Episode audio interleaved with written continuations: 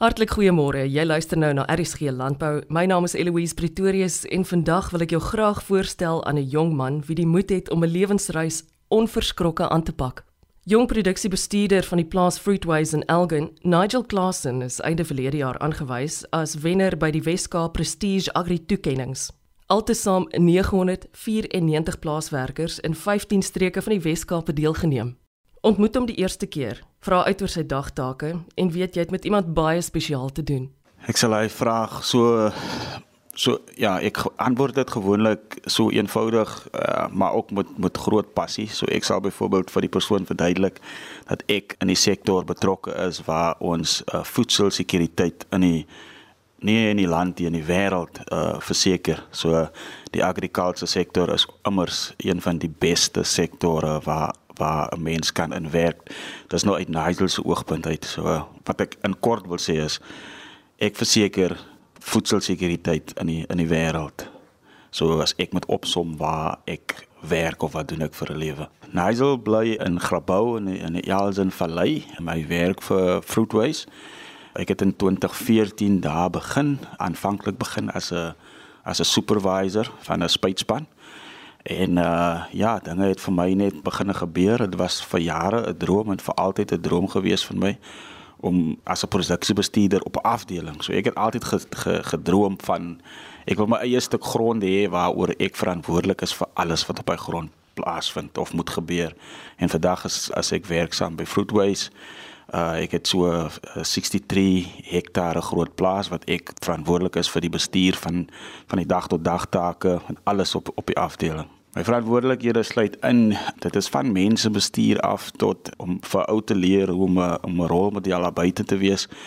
Kyk die ou wat ver oggend instap en on, aan jou rapporteer vir diens is ook vanaand 'n pa van iemand. Hy's ook 'n rolmodel vir iemand daar buite. So ook om vir hom daai menswaardigheidslesse te leer, hoe om 'n goeie voorbeeld en 'n man te wees. En dit wat ek geleer het, eh, geleenthede wat my toegekom het om seker te maak dit syfer deur tot op die laagste graad van werkersklas. So ek probeer altyd ek sê altyd vir die manne, as ek een persoon se lewe kan verander om vir hom 'n geleentheid te gee, dan doen ek dit enige tyd. So alles wat ek geleer het, probeer ek deur laat syfer vir die vir die laagste geskoolde werker in my afdeling om seker te maak hy voel ook mens, hy voel ook waardig. Volgens sy kollegas het hy altyd 'n oor om te luister en 'n skouer om op te huil. Ja, ek voel ek het 'n klein bietjie van 'n advantage van ek verstaan hoe dit vir die gewone werker voel om 'n spesifieke werk te doen ek myself het my van onder af opgewerk tot waar ek vandag is. So ek weet presies hoe dit voel om 'n graaf te vat, om 'n gat te maak, om 'n spitters deur te loop, om te monitor, om te spuit, om 'n trekker te opereer, enige iets. So ek dink daai koneksie is met my en die werkers sal altyd daar wees because ek weet presies hoe dit vir hulle voel om 'n ding te doen. So en die advantage is good en bad. Good in die sin van hulle kan my nie indoen nie. Ek sal weet. Sleg in die in die sin dat ongelukkig dis warm maar buite. Die agrikulture sektor is ongelukkig buitekant. Dit reën dit is warm daar en ja omdat ek weet hoe dit voel is dit is dit nie altyd lekker om stempel af te druk van sekere goed moet gebeur, maar om by jou ou te kom en hy staan en skuil onder in die skadu en hy moes was veronderstel om sy werk te doen, dan moet ek dissipline toepas. So uh, ja, so 'n bietjie van alles. Uh. Hy is dankbaar oor sy eie steunpilare. Ja, ek word definitief geondersteun ewen met die die die mense wat aan my rapporteer. Ek het mentors. Daar's heelwat. Ek het verlang James was een van die breinbestuurders wat ek nou opgekyk het. Daar was ook op 'n stadium way back Abraham Moicha wat vir my die geleentheid op Montief moontlik gemaak het. So ek het altyd opgekyk na manne soos hulle. Hulle is gekleurdes en hulle is in die in die sektor waar ek altyd van gedroom het ek kan inwees of gaan inwees en ek het altyd hulle geprobeer kopie gekyk wat hulle doen en dit het my net so gefassineer om te sien wat hulle doen. Ek het altyd vir saam hulle gesprekke gehad gesels. Hulle het altyd vir my gesê is like jy's nie skieurig but ja. Ek en ek het aangehou vra aan mekaar. En 2018 toe het ek as James se uh, assistent die ou wat my rolmodel was. Ek was toe sy assistent en ek het net vir heel wat jare saam gewerk en ons is vandag as ons kollegas. Groot geraak in Grabouw, opgegroei, skool gegaan, gewerk sy lewe lank nog net in Grabouw gewees. Ek was nog nooit en ek het vroeër gesê ek was nog nooit eens in 'n ander provinsie nie, maar ek is nie skaam om dit te sê nie. Ja, so ek is 'n boerling van Grabouw, woon en is gebore daar. Hy's met 'n landboudroom gebore wat egter later in sy lewe sou gebeur het daartoe gelei dat hy 'n bestaanskrisis in die gesig gestaar het. Ja, kyk, ek het opgegroei op 'n klein plaasie, waar as 'n jong laaitie. My pa was op daai stadium die produksiebestuurder van die plaas. En dit was 'n klein plaas uit vir die die eienaars was Mike Prevou en die plaas se naam was Lorraine Farms. My pa het elke dag uitgegaan en en sy ding gaan doen daar buite. En daai gogga van in die boerdery wees het meld daai het gebyt En toe ek nou my vormingsjare begin, uh sê 16, 17 jaar oud word, het daar 'n paar dinge in my huis of my ouer huis begin skeefloop. En ek was 17 toe my ma daar wat ek groot geraak het, verkrag en vermoor was en ek het seker halfuur na die hele storie met haar gebeur het, het ek op haar liggaam afgekom. In feite ek het ge, amper gestruikel toe ek afkyk, toe sien ek ook dit is 'n persoon. En toe ek verder kyk, toe sien ek maar dit is nie enige persoon nie. Dis my ma.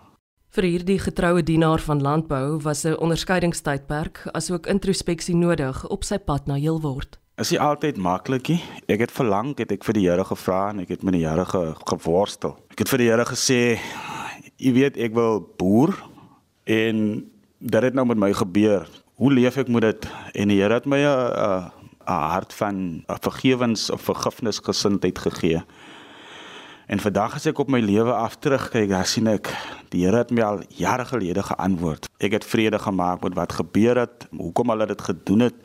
Sal ek nou nog nie verstaan nie, maar wat ek uit dit uit wegdra is die die feit dat die Here vir my 'n hart van vergifnis gegee het.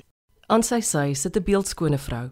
Haar naam is Iwet en die ring aan haar linkerhand is simbool van dae vol belofte wat voorlê. So sy speel 'n groot groot rol in terme van vir my om mens te wees. Ek is nie iemand wat groot is by familie. Ek bedoel bloedfamilie uh nee, ek weet nie, dis seker net wie ek is. Ek voel my familie is die jy weet keiser byvoorbeeld, my seentjie, my kinders. Ek voel dat, ja, jy jy vind soms of baie gevalle tye uh, familie by by ander mense. As ek by die werk kom en ek kom tussen daai manne. My leier is vandag uh meneer Matthew English. Net die manier hoe hy vir ons as 'n span lei en die persoon wat hy is.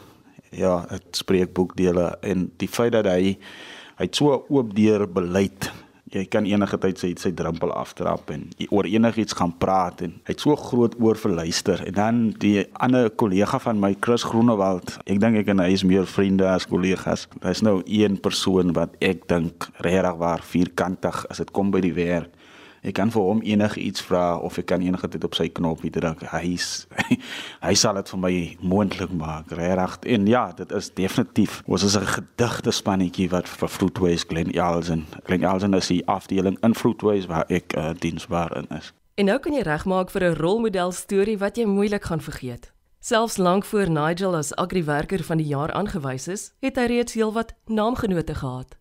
Ek het nooit regtig so na myself gekyk dat mense opkyk na my nie, maar as ek nou nou as ek toe terugkyk na die nou na wat gebeur het die aand en hoe ding my lewe verander het na die aand, kan ek sien of en, en ek kan besef dat net die mense wat ek is aan impakteer baie mense positief. Ek het eendag, ek dink dit was in 2018 Toe is daar tannie wat by ons, uh, sy was 'n skoonmaker daar by ons in die kombuis by die werk en sy kom toe na my toe eendag en sy vertel vir my van die klein klonkies wat nou by die huis speel. Hulle speel nou plaas plaas en en toe staan en luister sy nou vir hulle. Wie van hulle is nou wie op die plaas en amper al daai klonkies wat daar gespeel het, hulle het nou met stokkarretjies en bakstene gespeel en hulle speel nou plaas plaas en hulle roep mekaar op die radio en Toe sê sy ongelooflik om om te sien hoeveel van hy klein klonkies is Nigel. Hoeveel roep sê nee, ek is Nigel, nee, ek is Nigel. dit was dit was vir my 'n regtig waar 'n uh, ongelooflike gevoel. En vandag as ek so in die weet kan getuig of en sê of dit so is, as ek verby as ek op die plaas rond beweeg of ek nou met my quad bike ry of ek ry met my bakkie, sal altyd by 'n kleutertjie stop en gesels en ek kan sien hoe wat dit vir vir, vir hulle beteken om saam met my te praat en baie keer wil hulle ook net sommer net aan my vat en, en ja, ek het nooit regtig so aangedinkie, maar na die aan van die 5de en as ek na die kyk na die oproepe en die boodskappe wat ek gekry het dan ja, dit is net genade. Wanneer waters rof raak, lyk kapteinskap so. Daai is 'n moeilike een. Jy moet wat ons nou die afgelope tyd uh, vir onsself gesê het is jy moet aanpasbaar kan wees by die omstandighede. Soos byvoorbeeld as ek nou net vinnig moet terugsê in 2020 het niemand in die wêreld het gedink ons gaan fyn aan die kant uitkom met COVID. Dit was die wêreld was op sy kop gedraai. En ons het maar net nuwe maniere in COVID het vir ons nuwe maniere gekom leer. Daar was woorde genoem social distancing en isolation. Daai tipe goed is maar net nuwe maniere wat jy aangeleer het om te kan survive. So jy gaan basies in survival mode in.